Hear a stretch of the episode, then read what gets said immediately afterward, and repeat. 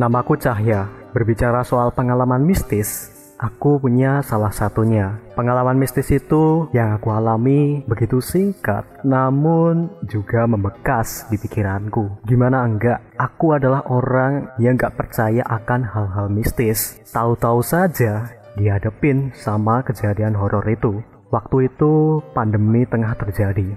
Memang serba susah sih, nggak bisa kuliah, nggak bisa ketemu teman-teman, dan gegara gabutnya, jam tidurku jadi kebalik.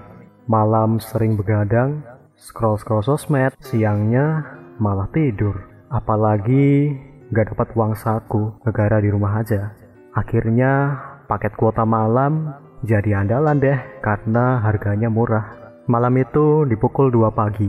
Setelah selesai rengket di game MOBA HP bersama teman-temanku, Aku bergegas segera mengambil selimut dan ingin tidur. Hanya saja kalau disuruh langsung tidur, nggak bisa sih. Biasanya mesti harus scroll-scroll sosmed atau baca-baca thread dulu, baru terasa mulai mengantuk. Entah tidak bisa tidur gara-gara main HP atau karena nggak bisa tidur, jadinya main HP. Malam itu atau mungkin pagi itu aku menemukan sebuah thread menarik di sosmed dan thread itu berisi sebuah permainan pemanggilan setan. Dan kayaknya menarik sih kalau dicoba apalagi permainan pemanggilan setan itu gampang banget dimainin. Nama permainan pemanggilan setan itu adalah white kimono atau kimono putih. Awalnya aku bingung sih hubungannya kimono atau baju tradisional Jepang dengan hal mistis apaan dan ternyata dari ritual ini konon bisa mendatangkan sesosok mistis ke rumah kita. Ritual ini hanya bisa dilakuin jam 2 sampai jam 3 pagi aja. Dan kebetulan banget sih, sekarang jam 2 lebih seperempat. Langkah-langkah ritual ini gampang banget. Yang pertama, aku perlu berbaring di kasur dan melihat keempat sudut langit kamar secara perlahan, mulai dari arah utara dan berlanjut ke sudut berikutnya berlawanan arah jarum jam. Lakukan langkah ini selama tiga kali, kemudian lipat tangan di atas dada dan katakan On Beiro Kia Masironi Sowaka tiga kali, sambil membayangkan seorang wanita berambut panjang dengan kimono berwarna putih dan darah.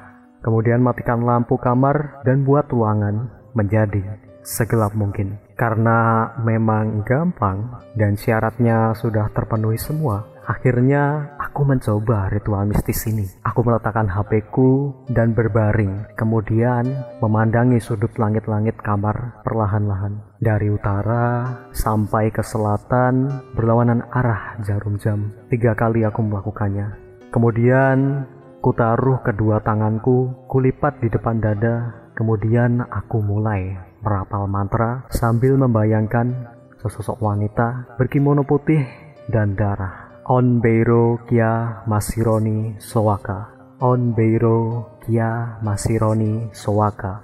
On Beiro Kia masih tiba-tiba pintu kamarku terbuka dengan perlahan. Aku melihat seseorang masuk dari pintuku perlahan. Ternyata dia adikku.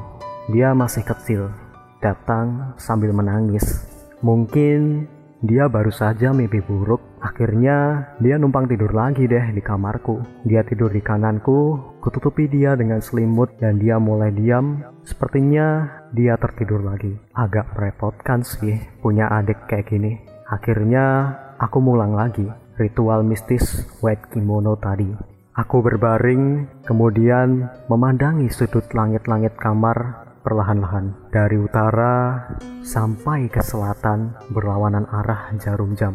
Tiga kali aku melakukannya. Kemudian kutaruh kedua tanganku, kulipat di depan dada, kemudian mulai merapal mantra sambil membayangkan sosok wanita berkimono putih dan darah.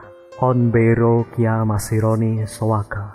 On Beiro Kia Masironi Sowaka. On Beiro Kia Masironi Sowaka.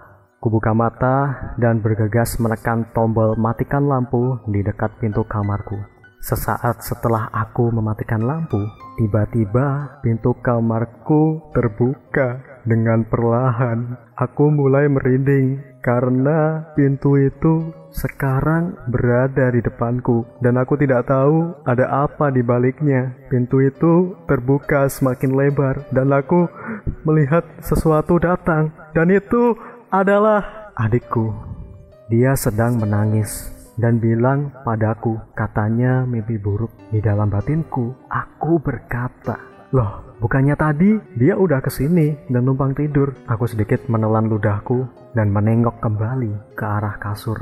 Dan di sana, aku melihat selimutku sedikit mengembang. Aku berjalan mendekati kasurku sambil memegang tangan adikku. Aku meraih selimut itu Lalu aku lempar selimut itu ke lantai dan tidak ada siapa-siapa di sana. Aku langsung keringat dingin mengingat kalau tadi aku yakin ada yang tidur di sini bertutup selimut dan sekarang tidak ada siapa-siapa. Akhirnya lari kepanikan membawa adikku dan malam itu kami tidur di ruang tamu. Aku gak berani tidur di situ selama malam itu. Dari kejadian ini merubah sudut pandangku dengan hal-hal mistis. Percaya atau tidak, hal ini benar-benar terjadi.